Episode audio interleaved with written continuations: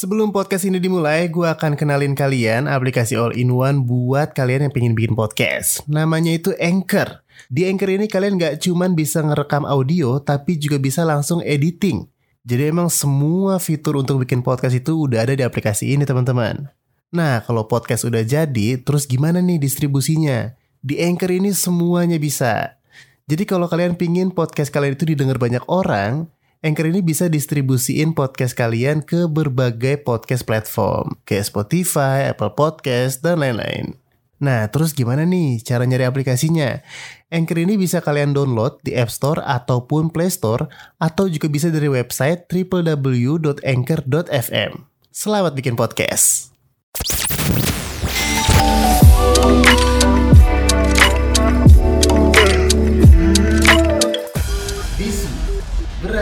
Beragam isu terupdate. Halo teman-teman, kabar baik untuk calon mahasiswa baru nih Karena Kartu Indonesia Pintar Kuliah atau KIP Kuliah tahun 2021 udah mulai dibuka Jadi bantuan pendidikan dari pemerintah ini merupakan bagian dari program Indonesia Pintar atau PIP Nah, KIP kuliah ini ditujukan untuk siswa yang nggak mampu tapi punya prestasi atau potensi akademik yang baik nih teman-teman.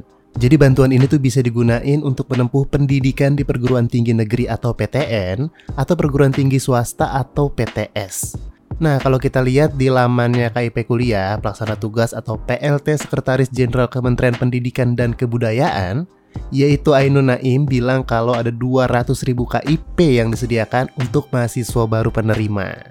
Nah, Sekjen Kemdikbud ini juga berharap agar mahasiswa ini tidak putus asa teman-teman dan memiliki cita-cita yang tinggi untuk mengenyam pendidikan di perguruan tinggi. Nah, untuk cakupan dari KIP ini sendiri, penerima KIP kuliah ini nantinya bakal dapat pembebasan biaya pendaftaran seleksi untuk masuk perguruan tinggi.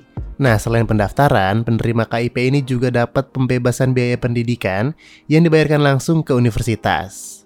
Jadi penerima KIP kuliah ini akan menerima bantuan biaya hidup yang ditetapkan oleh Puslabdik Besaran biaya hidup yang diberikan berdasarkan perhitungan besaran indeks harga lokal di wilayah universitas. Terus jangka waktunya gimana nih? Jangka waktu untuk pemberian KIP ini dibagi dari dua program teman-teman. Yang pertama ini S1 maksimal 8 semester, D4 maksimal 8 semester, D3 maksimal 6 semester, dan D2 itu maksimal 4 semester juga. Sementara untuk program profesi, kalau tadi itu kan program reguler ya.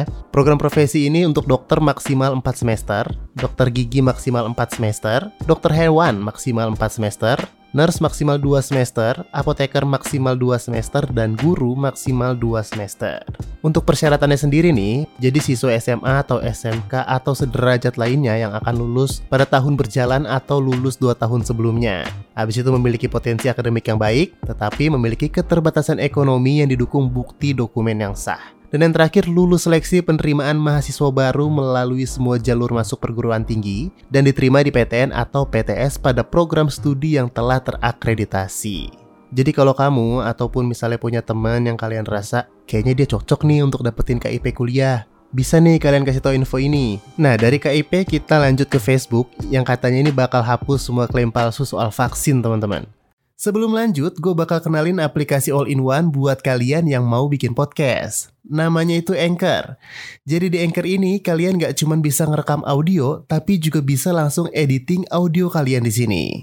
Nah, terus kalau podcastnya udah jadi, gimana nih distribusiinnya? Di Anchor semuanya itu bisa. Kalau kalian itu pengen podcastnya didengar sama banyak orang, Anchor ini bisa distribusiin podcast kalian ke berbagai podcast platform, kayak Spotify, Apple Podcast, SoundCloud, dan lain-lain. Cara punya aplikasinya juga gampang banget. Kalian tinggal download di App Store atau Play Store. Atau bisa juga dari website www.anchor.fm. Selamat bikin podcast!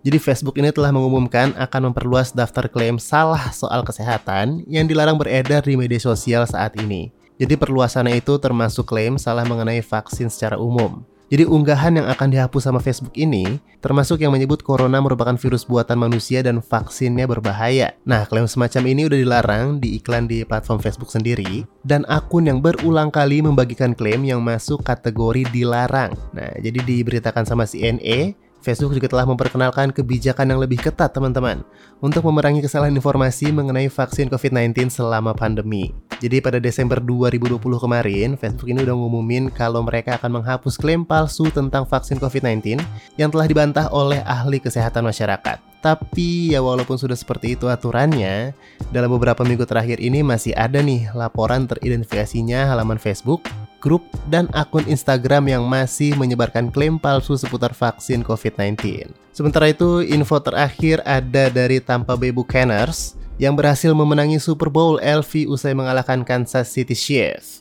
Jadi legenda American Football Tom Brady, dia ini udah berhasil meraih gelarnya yang ketujuh teman-teman. Super Bowl edisi ke-55 alias Super Bowl LV menemukan juara AFC atau American Football Conference sekaligus juara bertahan NFL atau National Football League Kansas City Chiefs dengan kampion NFC National Football Conference Tampa Bay Buccaneers. Laga penentuan juara NFL musim 2020 yang digelar di Stadion Raymond James pada hari Minggu 7 Februari 2021 kemarin ini menjadi duel quarterback beda generasi nih teman-teman. Yaitu Tom Brady sendiri di kubu Buccaneers dan Patrick Mahomes di kubu Kansas City Chiefs. Nah, Brady yang pindah ke Buccaneers ini udah 19 tahun membela New England Patriots langsung membawa tim barunya itu lolos ke Super Bowl. Sebelumnya Brady ini emang udah menangin 6 Super Bowl dan 4 kali menjadi MVP atau Most Valuable Player. Sementara Patrick Mahomes ini digadang-gadang akan menjadi bintang baru menggantikan sang legenda Tom Brady. Dan dengan prestasinya ini, Tom Brady ini udah disamain sama atlet-atlet sukses lainnya seperti Michael Jordan di NBA dan juga Ronaldo di sepak bola, teman-teman. Jadi menurut Forbes, Brady ini menempati peringkat ke-64 daftar selebritas terkaya dan ada di urutan ke-21 di jajaran atlet-atlet tajir. Sementara secara keseluruhan, sejak berkarir di NFL, Brady disebut memiliki kekayaan senilai 200 juta US dollar. Wow!